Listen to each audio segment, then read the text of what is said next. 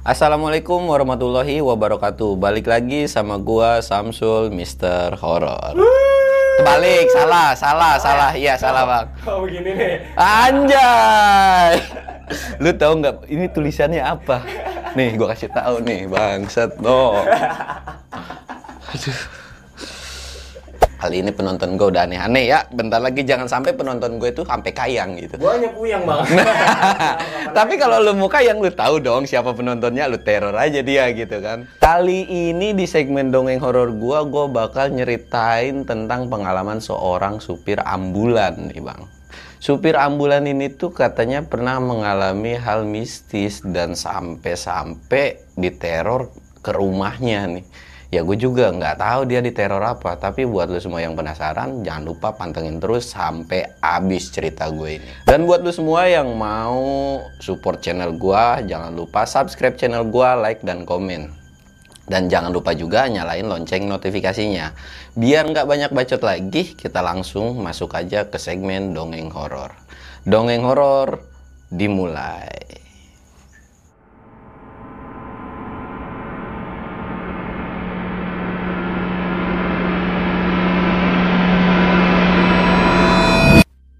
Sebelum masuk ke ceritanya, gue bakalan ritual ya nggak. Ritual kita tuh udah nggak jauh-jauh sebat.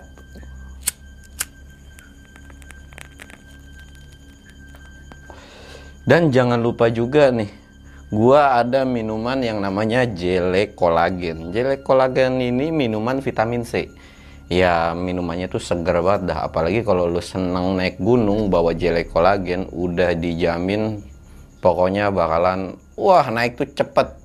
Dan lagi jele kolagen ini, jele kolagen ini tuh ada di semua Indomaret, terutama Indomaret terdekat loh. Di dari Sabang sampai Merauke semuanya ada. Nih, gua minum ya.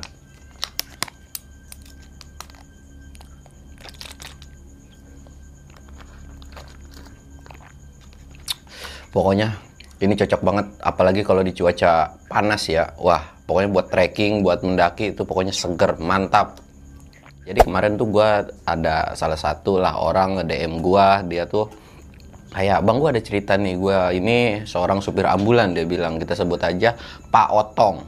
Pak Otong ini seorang supir ambulan. Dia tuh kerja supir ambulan tuh udah bertahun-tahun bahkan katanya kalau nggak salah tuh sampai puluhan tahun gitu kan. Jadi dia ada satu pengalaman ketika dia lagi nyupir atau lagi bawa jenazah itu tuh ya kalau bawa supir ambulan kan memang sudah berkecimpung dengan yang namanya ya pasien sakit terus orang meninggal gitu kan sering dibawa. Cuman ada beberapa kejadian di mana dia tuh diteror sama sosok-sosok gitu kan. Sosok yang dibawanya. Awal mulanya tuh kayak gini.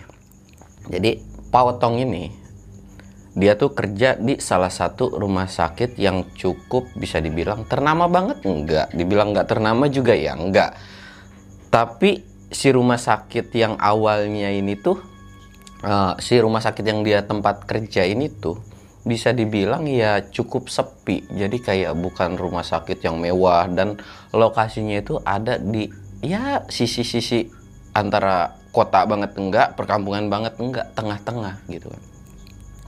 Dia pada saat itu kalau nggak salah kejadiannya di tahun 2014. Di tahun 2014 itu ada kecelakaan kan. Ada kecelakaan ya kecelakaan di jalan gitu kan? Mengharuskan ya namanya dia supir ambulan kan harus siap sedia gitu kan? Kapan pun ditelepon kapan pun dibutuhin ya udah dia jalan. Ketika ditelepon itu kondisinya tuh sekitar jam berapa ya? Mungkin sekitar jam sore lah. Jam 3 atau jam 4an gitu kan? Sekitar jam 3 atau jam 4an dia berangkat tuh kan. Dia berangkat set. Perjalanan dari rumah sakit ke lokasi kejadian itu kurang lebih satu jam setengah. Karena satu jarak yang ditempuh cukup jauh. Kedua macet juga. Dia jalan tuh kan. Jalan. Dan pas sampai di lokasi karena memang sudah terbiasa dan ya intinya udah berkecimpung dengan yang namanya jenazah gitu si supir ini kan mana pak? Korbannya gitu kan. Oh ini udah dibungkus sudah rapi gitu kan. Dimasukinlah ke dalam ambulan. Ketika udah dimasukin ke dalam ambulan kan itu bukan supir itu kan misalkan ada kejadian nih ke sana berangkat nggak yang serta merta langsung diangkut kan kecuali kalau kondisinya kata si Pak Otong ini kalau kondisinya memang urgent dalam arti masih hidup. Sedangkan ini mayat kan di kejadiannya gini gini gini gini. Nah dia tuh berangkat pokoknya hampir mau masuk maghrib. Hampir mau masuk maghrib ini ya udah potong berangkat dong. Di sepanjang perjalanan di situ tuh dikawal sama yang namanya beberapa polisi. Karena kan kejadiannya itu tragedi kecelakaan lalu lintas polisi satu ada keneknya satu di belakang gitu kan duduk. Ya udah dia berangkat tuh. Berangkat jalan dan sampai akhirnya sebelum Isa katanya tuh dia tuh udah sampai. Tapi sepanjang perjalanan kata uh, Pak Otong ini jadi kan di belakang tuh ada satu nih si keneknya itu. Nggak tahu gimana sebenarnya sih kata Pak Otong tuh uh, di depan tuh muat untuk berdua gitu kan cuman karena uh, si keneknya ini tuh atau si satu bukan kenek sih apa ya namanya? Ya intinya samalah yang ikut juga gitu si satu orang ini. Karena segan atau nggak enak gitu ya udah biar nyaman juga si polisinya kan. Jadi si satu si satu orang ini tuh duduk tuh temennya tuh di belakang kan. Lu tahu nggak? Jadi uh, jenazah itu kondisinya kan tiduran begini. Kan nggak tahu nih jadi kayak ngobrol-ngobrol ngobrol-ngobrol uh, tentang kejadiannya kenapa gitu kan. Oh ternyata kecelakaan tabrak lalu lintas. Dan si orang belakang ini kan penasaran nih pak boleh nggak gitu lihat? gitu kan kayaknya pengen tahu aja. Si pak polisi ini tuh udah bilang jangan nanti situ mual saya aja ngelihatnya mual. Di, dijelasin lah tuh sama si pak polisi itu kejadiannya gini kondisi mayatnya tuh kayak gini bla bla bla bla gitu kan kata si orang belakang ini karena kondisinya si temennya Pak Otong ini bisa dibilang uh, baru lah. Dia tuh baru beberapa bulan gitu kan ngikut namanya jadi uh, ngawal supir jenazah ini kan. Wah saya penasaran Pak. Pengen tahu. Dibuka kan sama dia. Pas dibuka ditutup lagi. Astagfirullahaladzim itu apaan Pak? Ya kan udah saya bilang jangan aneh-aneh. Nah udah kayak gitu kan? Ya karena memang si temennya potong ini kayak nyesel gitu kan jadi ya udah ditutupin lagi. Jadi kondisinya tuh duduknya tuh yang tadinya jauh yang tadinya uh, agak melipir. Kan kondisi ambulan tuh biasanya ada tempat duduk kiri kanan kan sedang si jenazah biasanya di tengah. Nah sedangkan tuh biasanya si uh, temennya potong ini di belakang nih. Dia tiba-tiba mundur ke depan. Set. jadi kayak nyamperin gitu kan kata si temannya potong ini ketika dibuka matanya tuh melotot dengan kondisi nggak mejem. Dari situ kan kayak pak kok ini melotot ya? Emang nggak di ini? Ah yang bener melotot gitu kan. Sempat ngedip juga loh pak masih hidup jangan-jangan. Wah nggak mungkin hidup gitu kan si polisi ini tuh kayak nggak mungkin hidup orang udah meninggal kok udah dipastiin itu meninggal gitu kan. Tadi kan kita juga sama-sama ngecek kalau si mayat ini udah meninggal gitu kan. Tapi tadi melotot dan sempet kayak ngedip gitu. Makanya saya agak kaget kata si temennya potong ini gitu kan. Ah lu mah paling ngalu doang. Berhentilah mereka melipir gitu kan. Mereka berhenti melipir. Ya dipastiin dong. Ternyata pas dilihat enggak ah mejem gitu kan. Enggak ada apa-apa berangkat lagi. Berangkat dan sebelum sampai hampir mau sampai ke rumah sakit itu tuh ada kayak orang begitu. Yang dua di depan kan nggak tahu nih kondisinya. Jadi kayak oh paling yang belakang gitu kan.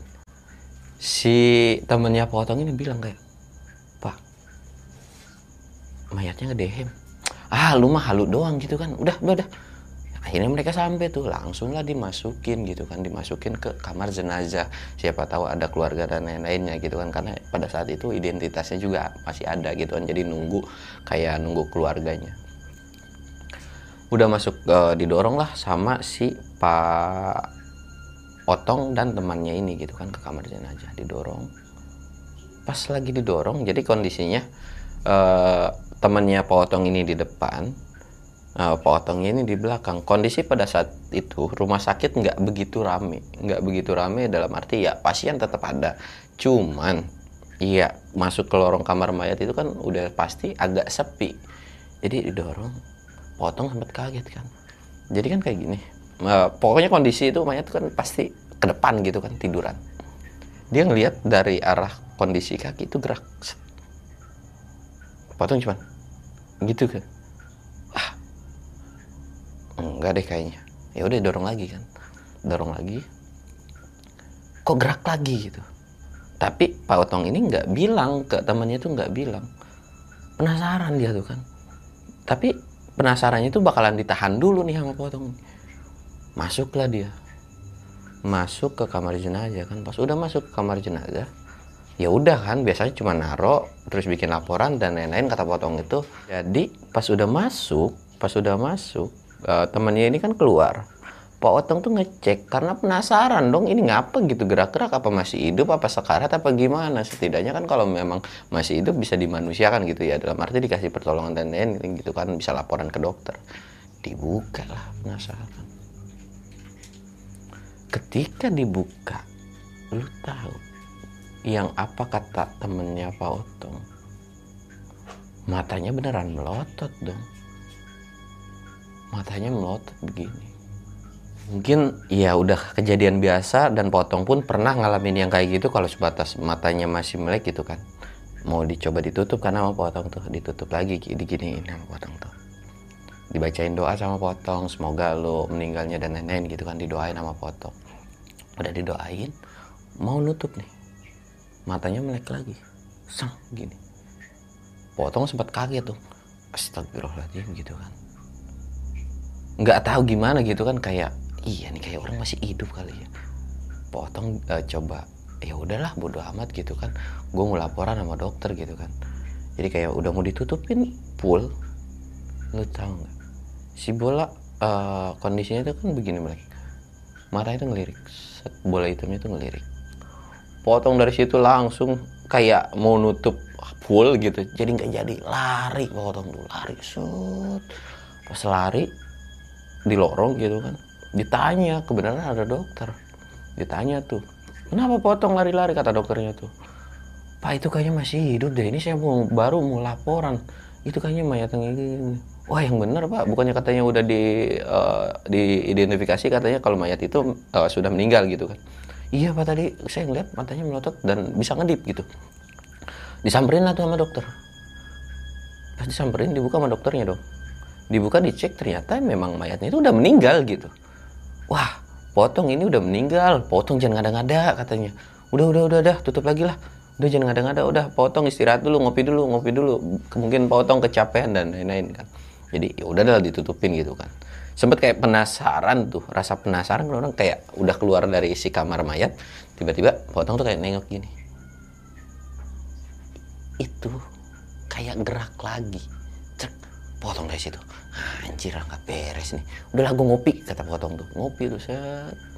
Duduk kan di ya tempat area smokingnya udah sampai ke area smoking potong tuh kayak ngobrol nih berdua sama si temennya ini kan. Ternyata lu yang uh, potong tuh bilang ke temannya tuh ternyata bener ya. Gue tadi barusan ngeliat dia juga ngedip sama gue hah? Ngedip pak? Iya tadi tuh gue lu kan keluar nih kata potong tuh. Gue tuh coba meriksa dan mastiin kan karena gue juga penasaran gitu. Dibuka. Uh, pas gue buka si matanya beneran melotot. Dan gue tutupin kan udah tuh nutup kata potong tuh. Dan pas gue mau tutupin mau ditutupin lagi tiba-tiba matanya tuh kayak melek. Kayak melek dan paling parahnya kata potong. Dia nengok tuh bola matanya tuh kayak ke gua gua kira tuh dia masih hidup. Gua laporan ke dokter dok. Pas udah laporan ke dokter ternyata beneran udah meninggal. Wah iya nih pak kata si temennya tuh. Ya udah pak ya semangat kerjanya.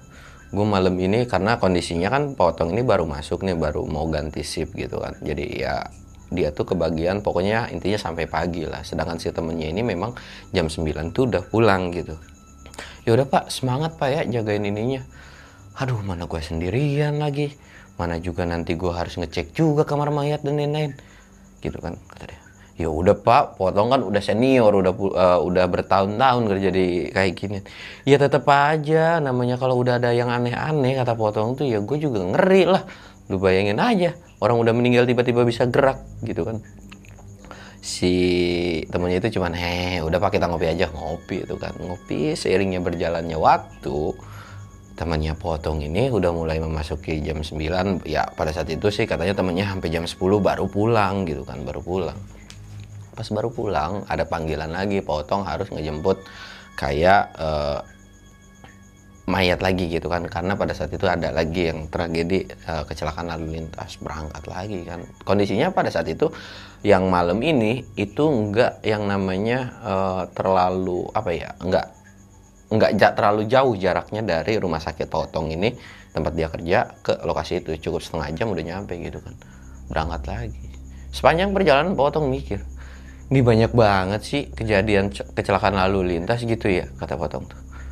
Aduh tumben-tumbenan kerjaan gue banyak dia bilang kan sampai jemputin terus. Biasanya makan apa biasanya tuh kayak ya sehari kadang-kadang nggak ada. Ini sekalinya ada. Ya terus-terusan baik kata potong tuh ya namanya kerjaan gitu kan ya udah potong berangkat sendiri pada saat itu. Karena uh, yang ganti sipnya tuh belum belum ready lah belum siap. Jadi ya udahlah nggak apa-apa deket ini potongan berangkat. Pulang lagi. Uh, udah sampai tempat lokasi dimasukin kan jenazahnya lagi tuh ke dalam mobil ambulan lagi. Pas udah dimasukin kondisinya pada saat itu nggak ada yang ngawal. Tapi ngawalnya tuh kayak uh, pakai motor gitu kan. Kayak dikawal pakai motor. Ya udah potong ini berangkat kan sepanjang perjalanan kata potong tuh kayak ada yang megangin punduknya. Apa ininya kan jadi kayak ada yang ngusap gitu. Potong kayak mau kaget tapi karena beberapa kali pun dia pernah ngalamin kayak gitu jadi kayak astagfirullahaladzim. Udah jangan ganggu jangan ganggu. Sambil bawa mobil. Udah jangan ganggu jangan ganggu. Gue di sini nggak ada macam-macam gue di sini cuman nyari kerja. Dia bilang jangan ganggu jangan aneh-aneh gitu kan. Lagi jalan kayak gitu terus dipegangin si lehernya ini kan dipegangin. Sampai-sampai kayak ada yang manggil nama potong. Potong. Potong ini langsung kaget dong. Kayak melipir dulu dan masihin ke belakang celana selingkuh. Ah nggak ada. Ngeliat jenazahnya. Nggak ada. Bawa mobil lagi. Bawa mobil lagi dan kelihatan dari kaca si mobil ini kan kaca spion yang depan di tengah itu dia sempat kayak nengok gitu ke belakang. Kok jadi ada dua jenazah gitu kan? Potong melipir lagi. Pas dilihat satu. Begitu kan dilihat lagi satu. Wah aneh nih gitu kan. Potong ini mulailah baca doa. Ketika baca doa ya berangkat terus kan jalan tuh. Jalan. Padahal kondisinya kan dari rumah sakit ke sana tuh setengah jam doang. Dan kondisi malam jalur udah sepi gitu tapi potong ngerasa lama banget nyampe rumah sakit. Karena pengen cepet-cepet. Sepanjang perjalanan itu tuh potong tuh digangguin. Jadi kayak dipanggilin namanya diusap ininya mulu. Kayak potong ayo dong nyampe gitu nyampe gue pengen buru-buru sampai rumah sakit gitu kan. Pas udah sampai uh, sampai rumah sakit gitu sepanjang perjalanan ganggu terus potong juga Alhamdulillah nyampe juga rumah sakit.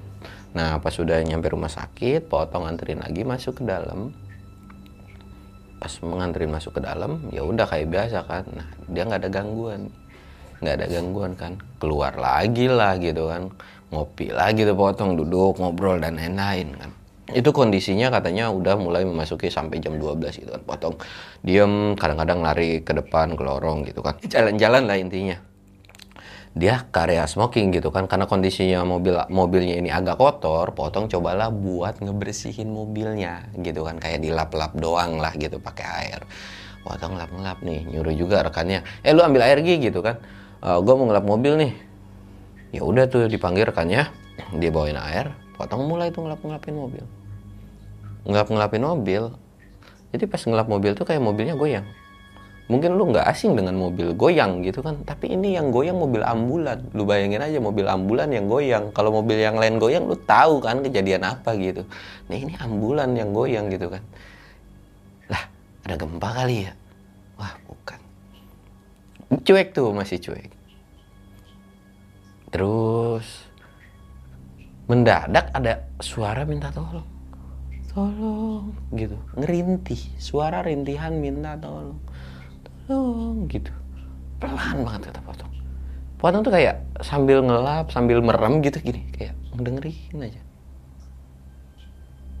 Tolong itu kedengeran. Potong coba celana ciling dong. Di kondisi udah malam rumah sakit sepi gitu kan. Wah gak ada siapa-siapa nih. Ah udah ah bodo amat. Terus nih terus ngelapin. Sampai akhirnya dia ngelap ke bagian posisi paling belakang itu tuh suara tolong itu ada lagi. Dan menurut Pak Otong pada saat itu tuh suaranya tuh ada di dalam. Pak kayak gue buka jangan ya gue buka jangan ya.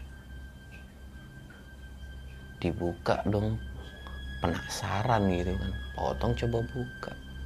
Dibuka set. Baru uh, pintu ambulan tuh kan taruhlah ini pintu misal dibuka sedikit baru begini baru ada masuk dikit doang. Itu tangan. Jadi kayak tangan begini. Seret. Potong langsung kejengkang itu langsung kayak nabrak ember airnya tuh tumpah. Astagfirullahaladzim apa lu lari potong lari sekencang-kencangnya nemuin uh, ya intinya keramaian gitu kan lari set. Ditanyakan sama beberapa pak lu nggak apa-apa lari-lari malam-malam. Wah nggak apa-apa nggak apa-apa gitu kan. Karena ya potong tuh nggak mau bikin kepanikan dan ya udahlah cukup gue aja yang ngalamin gitu. Yang lain nggak nggak usah tahu. Karena menurut potong nih orang yang kalau gue ceritain dan gue ceritain gitu lu pasti nggak bakalan percaya. Dan biasanya kalau udah diceritain dan disamperin itu nggak ada gitu kan. Jadi kayak potong enggak nggak apa-apa kok. Gue lagi pengen lari aja gitu kan kayaknya agak-agak serem dia bilang nih rumah sakit sekarang nih gitu kan. Tadi gue kayak ngeliat penampakan cuma sebatas gitu doang. Wah iya paling potong mah kecapean lah gitu. Dari tadi kerja mulu gitu. Ya udah pas sini pak ngobrol ngobrol. Ngobrol kan? Ngobrol. Jadi kondisi potong lari itu nggak yang terlalu jauh dari mobil ya. Misalkan jarak sekitar 10 atau 15 meter. Dan kondisi mobilnya itu kelihatan. Dan potong tuh belum nutupin mobilnya potong dari jauh gitu kan kayak ngopi tapi sambil ngelirik ke arah mobilnya. Aduh gue lupa lagi belum nutup. Gimana ya? Ya udahlah biarin aja. Orang mobil si di apa di area dia gitu kan kali aja nggak ada apa-apa. Toh di dalam mobil juga nggak ada apa-apa kecuali ada surat-surat mobil doang gitu kan. Potong ngelirik. Tapi nggak tahu kenapa potong tuh kayak bawaannya tuh pengen terus ngelirik. Ngelirik terus gitu kan. Lu tahu nggak? Mobilnya yang belakangnya nggak ketutup itu kebuka sendiri. Set pelan potong fokus dong.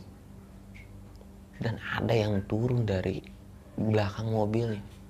Jalan ke kamar mayat. Jalan ke ruangan yang biasa Pak Otong bawa mayat.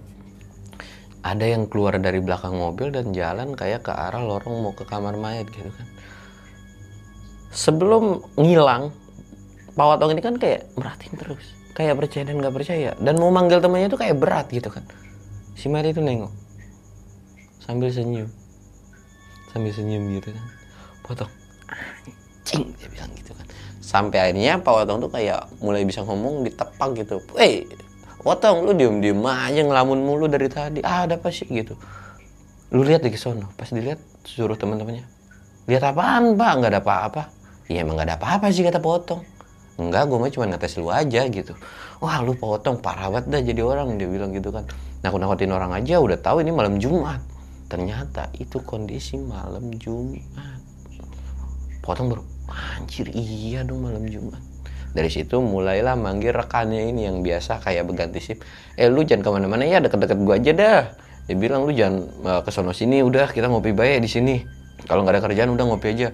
Temenin gua gua malam ini kayaknya parno banget kata potong tuh. Ya lah pak. Biasanya potong nggak pernah takut biasanya berani-berani aja iya gue tahu tapi nggak tahu nih malam ini gue takut aja gitu dibilang kan gitu. Ya udah ditemenin tuh ditemenin sampai akhirnya pagi. Jadi potong tuh kondisinya nggak nyamperin ke kamar mayat lagi nggak nyamperin mobilnya dan benar-benar pagi itu. Ya udah nggak nggak apa nggak nyamperin mobil lagi gitu. Sempet beberapa temennya tuh kayak aneh kan dan kondisi si uh, belakangnya itu beneran kebuka jadi beneran kayak uh, seperempatnya lah pintunya eh seperempat apa setengah gitu kebuka. Dan ke pas udah pagi potong pulang dong. Pulang kan. Pulang ke rumah itu pokoknya sekitaran jam 7 atau jam 8an pas pulang. Jadi kayak assalamualaikum kondisinya potong. Ini punya anak dan punya istri ya. Waalaikumsalam. Ada yang nyaut kan potong ini ada yang nyaut gitu kan uh, istrinya gitu waalaikumsalam oh bapak baru pulang. Iya katanya kan. Potong ini kan masuk kan ke dalam nanyain tuh ke istrinya mah mana nih si ini kan anaknya gitu kan? Mana si dede? Oh ada apa di kamar dia bilang. Nggak tahu lagi ngapain. Oh di kamar. Ya udah bapak mau ini dulu ya mau mandi dia bilang. Langsung tuh kan udah pulang mandi potong itu mandi udah kelar mana ya si dede ya? Dek dipanggilin gitu. Ada yang nyaut dari dalam kamar. Ya pak kenapa? Gitu kan. Kondisi anaknya potong ini umuran 6 sampai 7 tahun gitu. Masuk ke dalam.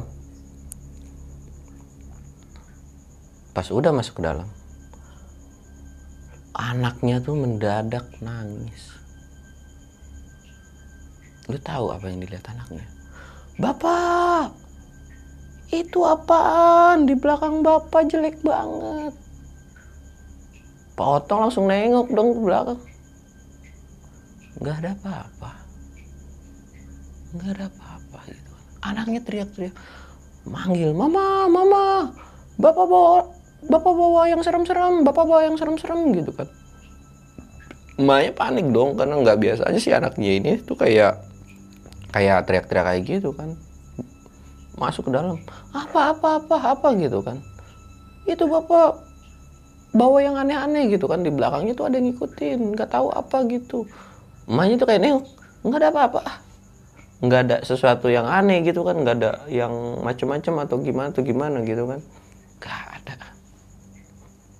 Pas udah bilang nggak ada kayak gitu waktu langsung keluar dong langsung oh ya udah uh, bapak keluar aja ya keluar aja ya. Ya udah ya udah ya udah.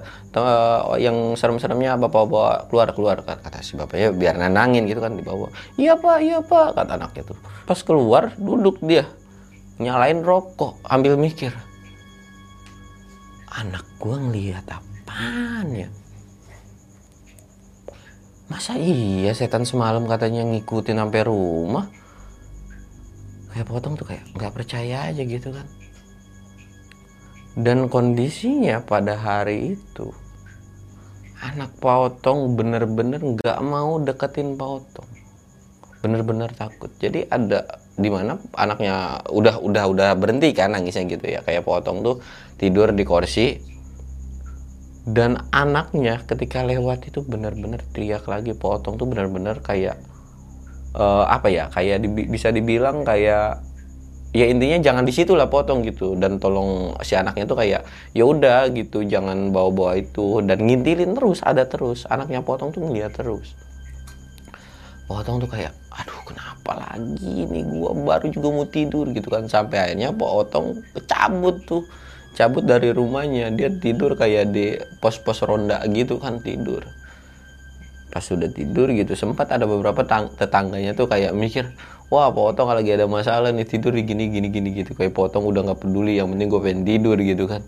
Udah amat lu ngomong apa kagak po. Dia bilang dan lain-lain gitu kan. Ya udah dia tidur pas kondisi tidur itu dimimpiin. Si anjing. Potong itu dimimpiin. Potong dimimpiin hmm, kayak sosok itu tuh selalu ada di mimpinya gitu. Kayak dikejar-kejar. Potong juga kayak anjir kebangun beberapa kali gitu. Lu bayangin tengah hari bolong ngimpiin setan gitu kan. Wah tuh kayak aduh gue tuh udah capek banget semalaman gitu karena bisa begadang mana ntar sore harus kerja lagi gitu kan. Kayak ayolah nggak usah mimpi yang aneh-aneh gitu kan. Jadi mau nggak mau kayak dipaksain tidur ya tidur sebentar tiba-tiba mimpi lagi terus sebentar mimpi lagi sampai terus gitu sampai jam 2 siang kata potong karena memang bingung gitu kan. Ya udah dah gue berangkat kerja lagi dah biar anak gue nggak sawan gitu kan. Berangkat kerja pas sudah nyampe uh, situ tuh uh, bilang ke istrinya mama uh, si dede jangan suruh lihat bapak dulu ya katanya. Ya udah bapak mau mandi siap-siap berangkat kerja lagi. Oh ya udah kondisi potong itu benar-benar kecapean benar-benar lelah ngantuk mata ngantuk biar nanti bapak tidur di ini aja kata dia di rumah sakit gitu kan. Ya udah tuh mandi beres-beres mastiin lagi nih konyolnya potong dek bapak berangkat ya udah selesai semua gitu kan. Iya pak gitu. Pas buka pintu lagi. Anaknya teriak lagi bapak itu ngapa jadi melet-melet? Bapak itu kayak anjir masih ada dong anak gue bisa lihat gitu kan langsung cabut. Ya udah mah Bapak berangkat dulu Assalamualaikum. Berangkat tuh potong karena stres kan. Ini anak gua kenapa sih bisa ngeliat kayak begituan? Perasaan dari dulu sampai uh, sampai sebelum sebelumnya tuh potong ini tuh nggak pernah yang namanya ngalamin kejadian kayak gitu gitu. Sampai anaknya bisa ngeliat dan itu nggak ada gitu kan. Jadi Hanya sepanjang berjalan tuh Pak Otong tuh mikir terus mikir mikir sampai ada kejadian di mana dia kayak ngelamun kayak mau tabrakan gitu kan. Astagfirullah untungnya sempet kontrol gitu kan. Nggak yang nabrak kayak keburu kebangunin gitu. Udah sampai rumah sakit nih udah sampai rumah sakit. Ada beberapa uh, kayak teman kerjanya itu kayak mikir kayak ngelihat potong tuh kayak beda gitu kayak beda. Pak hati-hati ya gitu. Kayak ada yang bisikin temannya pak hati-hati gitu. Teman uh, potong hati-hati kenapa? Udah bapak hati-hati aja. Potong bingung dong. Udah pak saya mau berangkat lagi minta penjelasan tuh hati-hatinya tuh kenapa. Tapi si, si orang ini tuh si temennya ini tuh nggak mau ngejelasin. Potong udah kayak gitu makan di kantin makan di kantin ngerokok. Sepanjang hari itu tuh nggak ada kejadian potong harus uh, ngejemput pasien atau ngambil jenazah gitu kan. Potong nanya dong ke bagian ademnya gitu kan. Iseng-iseng gitu. Mbak uh, mayat yang ini udah diambil belum ya? kata dia gitu kan kata si bagian ininya tuh belum pak masih ada. Katanya sih kalau nggak salah udah ketemu keluarganya dan nenek udah dikasih tahu dan insya Allah katanya besok baru mau diambil gitu kan karena ternyata keluarganya itu jauh. Oh gitu. Terus masih ada di sana? Iya masih ada pak. Emang kenapa pak? Kata potong oh nggak apa-apa kok cuma nanya doang gitu kan. Berangkat lagi. Berangkat lagi uh, ke area tempat di mana mobil itu ada kan. Potong tuh duduk duduk ambil ngopi gitu kan ambil ngopi. Aduh.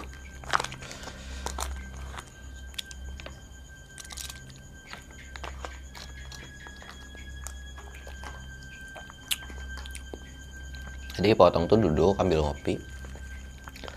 Pas lagi ngopi tuh potong tuh kepikiran. Yang tadinya pengen tidur jadi kayak kepikiran gitu kan kayak kepikiran apa si sosok ini gitu kan cobalah pas udah apa ya udah maghrib udah maghrib udah sholat maghrib potong ini. Ah, anjir. Gue kok ngerasa aneh ya dari kemarin sampai sekarang ngerasa aneh terus gitu kan. Gue penasaran gue bakalan cabut dah. Gue bakalan kamar mayat gitu. Udah amat dah digentayangin gentayangin rasa penasaran itu. Jadi tujuan potong mau ke kamar mayat tuh kayak mau ngedoain lagi dan bilang tolong gak usah ganggu gue dan kalau memang lu ini ya tolong jangan usik uh, apa lagi sampai ngikut gitu kan. Berangkat. Potong lihat-lihat dong oh ini kayaknya nih. Pas mau dibuka kayak aduh jangan deh. Ya udah deh gue nggak jadi buka deh. Gue cuma doa eh, potong ini cuma doain doang. Didoain setelah didoain berasa ada yang nepok pundaknya gitu. Potong nengok dong anjir nggak ada dong. Potong udah mulai mikir potong udah mikir aneh-aneh lu kenapa sih gangguin gue mulu? Gue kan kagak bikin salah. Gue kan kagak aneh-aneh sama lu sama mayat lu. Dan nenek gue bilang gue bawa sini dan nenek gitu. Potong kayak ayo udah gue pengen tidur nih biar gue agak kepikiran. Besok gue mau pulang lagi biar anak gue juga agak ngeliat gitu kan kayak gitu. Pintu kamar mayat tiba-tiba ketutup sendiri kayak tapi nggak yang dreng gitu nggak kayak gitu kan. Potong aduh mana gue belum tidur lemes gitu kayak potong. Ya udah dah suka-suka lu ya. Gue mau keluar dah bodo amat. Yang penting udah gue doain lu semoga selamat semoga lu diterima. Pokoknya terserah lu. Potong keluar sambil lemes. Pas udah lemes apa? Pas udah keluar pintu gitu. Mendadak ada yang kayak ngejawab waalaikumsalam. Padahal potong nggak ngucapin salam. Waalaikumsalam. Potong. Ah bodo amat dah jalan jalan ketemu sama temennya. Jadi kayak jalan kan bodo amat jalan gini. Papasan tuh sama temennya. Pak ngapa sih? Murung banget. Enggak nggak apa-apa. Jalan tuh ada papasan ketemu lagi. Pak bisa dari mana? Tadi baru saya cariin potong kayak baru nggak? Gini dan nengok ke temennya. Lu nyariin gua? Lah bukannya lu tadi lewat ya? Lewat dari mana sih pak? Orang saya baru dari tadi nyariin bapak. Emang bapak dari mana ada apa sih? Gitu kan temennya kepo gitu. Enggak enggak ada apa-apa. Itu dipanggil katanya suruh ke sono ke depan. Potong. Ya udah iya iya gue ke sono dah dia bilang. Dari situ temennya juga sempat tanya pak lu kenapa dah belakangan ini? Kayaknya aneh banget gitu kan kata temennya tuh. Kata potong tuh enggak nggak apa-apa. Udah kok aman kok gue cuma kecapean aja kayaknya gitu kan. Berangkat lagi berangkat ke depan gitu. Potong sepanjang jalan mikir itu yang tadi papasan sama gue siapa ya? Masa itu orang nggak ada dua tiba-tiba? Apa gue karena ngelamun? Atau gimana gitu kayak ya udahlah bodo amat gitu kan. Nggak peduli yang penting nyerupain sosok temennya ini nggak serem gitu kan. Jadi angkat. Oh iya Pak Otong tuh kayak ngurus-ngurus nggak tahu apa gitu kan.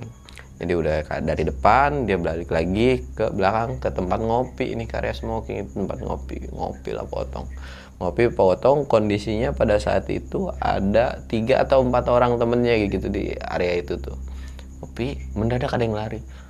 Tolong! Gitu kan ada yang lari. Salah satu eh, bisa dibilang uh, pegawai rumah sakit itu juga kan lari. Si sosok uh, si pegawainya itu lari nyamperin uh, kelompoknya potong ini lari. Ditanya sama potong kenapa lu? Pak gue ngeliat penampakan di kamar jenazah penampakan apa? Nggak tahu pak. Itu di kamar jenazah gue kira sama orang ya takutnya. Jadi gue kayak mau nyamperin nih. Gue kayak mau nyamperin gue ngeliat ada orang masuk dengan kondisi pakaian biasa gitu. Gue kira uh, itu tuh orang. Takutnya ya namanya nggak tahu gitu kan. Ada orang macam-macam. Gue samberin dan ternyata pas gue masuk kamar jenazah itu ada yang mendiri. Kondisinya mukanya hancur. Dan itu kayak jenazah yang kemarin bapak bawa potong cuman. Diem aja begini kan. Ya udahlah biarin aja. Mungkin masih nggak tahu gimana. Mungkin udah kangen keluarganya pengen cepet-cepet pulang pengen cepet-cepet dimakamin kata potong. Udah biarin aja lah. Jangan kan lu stres gua aja udah stres banget. Lu barulah potong nyeritain nih ke anak-anaknya atau ke teman-temannya. Dari situ kelima orang ini yang ada di situ ngedengar ceritanya potong mendadak langsung pada merinding semua. Wah pak lu seriusan pak? Begitu Iya seriusan. Nah ini saksinya dia bilang kan karena ada satu yang lihat juga kan. No lu tanyain no temen gue yang kemarin. Si satu yang ikut ngawal juga kan. Tanyain matanya melotot nggak. Saya di, diomongin iya bener. Wah parah sih. Dari situ kelimanya tuh kayak yaudah pak kita nggak usah jauh-jauh dan nggak usah belok-belok kamar mayat kalau nggak ada urusan pak. Jadi kita udah ngopi aja di sini dah atau ya kita ke depan aja gitu nyelesain kerjaan masing-masing gitu kan dan dari situ tuh kayak mereka gibahin ngerumbiin. Dan ketika ngibahin itu kondisi udah jam 1 jam 2 malam kan. Jadi kayak mereka pun harus ada yang balik kerjanya lagi harus ada yang ke sana harus ada yang sini kan. Mereka tuh sebelum balik tuh kayak ngelirik-lirikan Pak temenin gue dong lewatin itu. Jadi kondisinya si rumah sakit ini harus ngelewatin lorong ini dulu lorong kamar jenazah kalau mau ngumpul ngumpulnya di sini gitu kan. Kayak Pak yuk anterin yuk ya anterin gitu kan. Ya nggak mau ah gue mau di sini aja gitu kan kata potong tuh lupa anterin anterin gitu. Jadi mau nggak mau mereka dianterin sama potong. Nggak mau dianterin sama potong set. Lu tahu kan namanya orang penasaran itu kayak gimana kan? Udah sampai lorong nih. Si lima temennya itu kayak nengok nih ke lorong. Set. Lima limanya itu ngeliat orang jalan. Dan memang kondisi rumah sakitnya memang rumah sakit yang ada lampunya gitu kan kayak kelihatan gitu kan kayak nengok set sama-sama nengok. Wah, anjir itu satu rumah sakit sampai geger sampai karena lima orang ini teriak satu orang teriak kan jadi kayak refleks gitu. Wah gitu kan. Lari langsung dari situ ditanya kan sama beberapa kayak ada dokter ada lain gitu kenapa, kenapa? Ya karena memang dokter itu orangnya logika banget gitu kan jadi kayak enggak nggak apa-apa nggak apa-apa tadi gara-gara ada kecoa ada tikus gitu kan alasan lah intinya jadi kayak alasan ya udah gitu kan bodo amat. Uh, jadi ya udah nah semua lima ini kan udah percaya nih tinggal potong balik lagi kan. Potong coba balik lagi. Nyuruh temennya buat uh, yuk lu berdua aja sama gue gitu kan. Ternyata sih temennya itu ada kerjaan gitu kan. Nggak bisa apa gue ada kerjaan disuruh A B C gitu kan. Potong tuh balik lagi. Set balik lagi. Kayak pelan pelan gitu ngelirik. Jadi kayak orang nggak tenang gimana sih kayak maling gitu kan kiri kanan diliatin terus jalan-jalan sampai ketemu lagi lorong ini. Ketemu lorong ini lagi tuh potong diem. Jangan celing gitu kan. Wah nggak ada. Nggak ada. Pas sudah mau ngelewatin lorong itu dan kondisi ada mobil itu mobilnya kedengaran suara minta tolong lagi. Tolong. Tapi dengan rintihan potong langsung gitu. Ser gitu kan. Dan pas udah kedengaran kayak gitu potong tuh langsung kayak wah udah ini gue kayak harus keluar deh gue nggak sini. Jadi kayak ngirim ini dulu kan jadi kayak udah bodo amat gue jalan jalan kabur. Dari situ potong nggak berani masuk rumah sakit. Walaupun ada beberapa kayak dipanggil gitu potong dia gua nggak mau masuk rumah sakit dulu tadi dulu lagi Parno dijelasin. Coba dan dan potong tuh nyuruh temennya gitu nyuruh rekannya buat nyelesain kerjaannya dia yang disuruh itu gitu kan dan sampailah titik puncak di mana si jenazah ini uh, udah mulai memasuki lewat subuh kayak tapi masih subuh ya masih kayak jam 5an gitu. Mau dijemput sama pihak keluarga.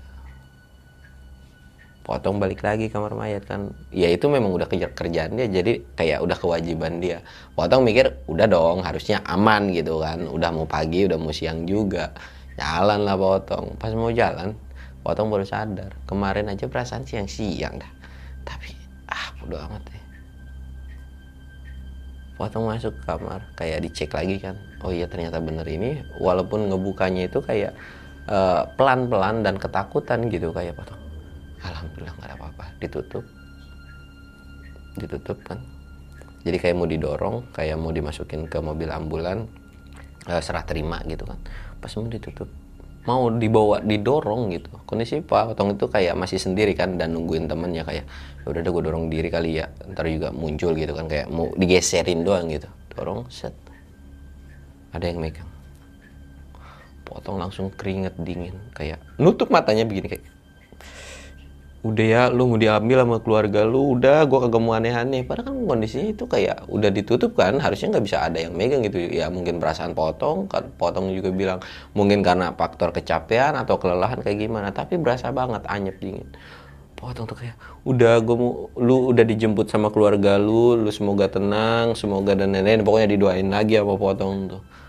Pas udah didoain kayak gitu ada yang nepuk bahunya lagi. Iya gue minta ampun iya gue minta ampun kata potong. Tuh kayak gitu kan. Minta ampun minta ampun kan potong itu ngapa sih pak? Ini gua dia bilang.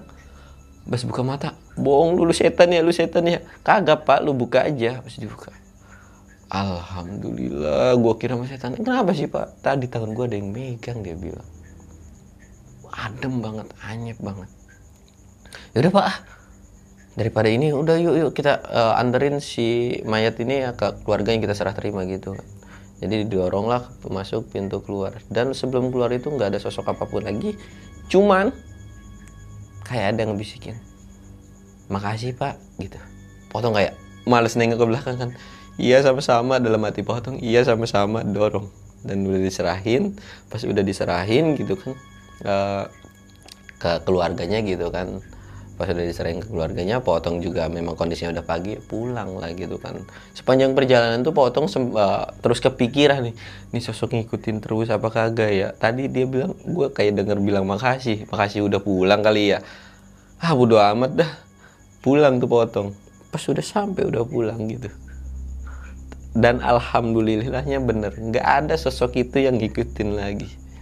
Jadi kayak potong tuh udah kebebas gitu kan kayak dalam hati tuh alhamdulillah nggak ada yang ngikutin lagi nggak ada yang ngikutin lagi gitu kan. Dari situ ya potong juga udah mulai membaik gitu kan maksudnya udah nggak ada si anaknya tuh udah nggak teriak-teriak lagi cuman tetap potong itu berangkat ke kiai kayak minta dirukiahin atau minta didoain dan lain-lain gitu kan supaya nggak ada sosok yang ngikutin dari situ udah kela udah kayak gitu ya potong alhamdulillahnya bisa tidur nyenyak. Dan pada saat itu juga potong kondisinya hari besoknya itu udah libur gitu kan jadi dia bisa istirahat, full dan lain-lain.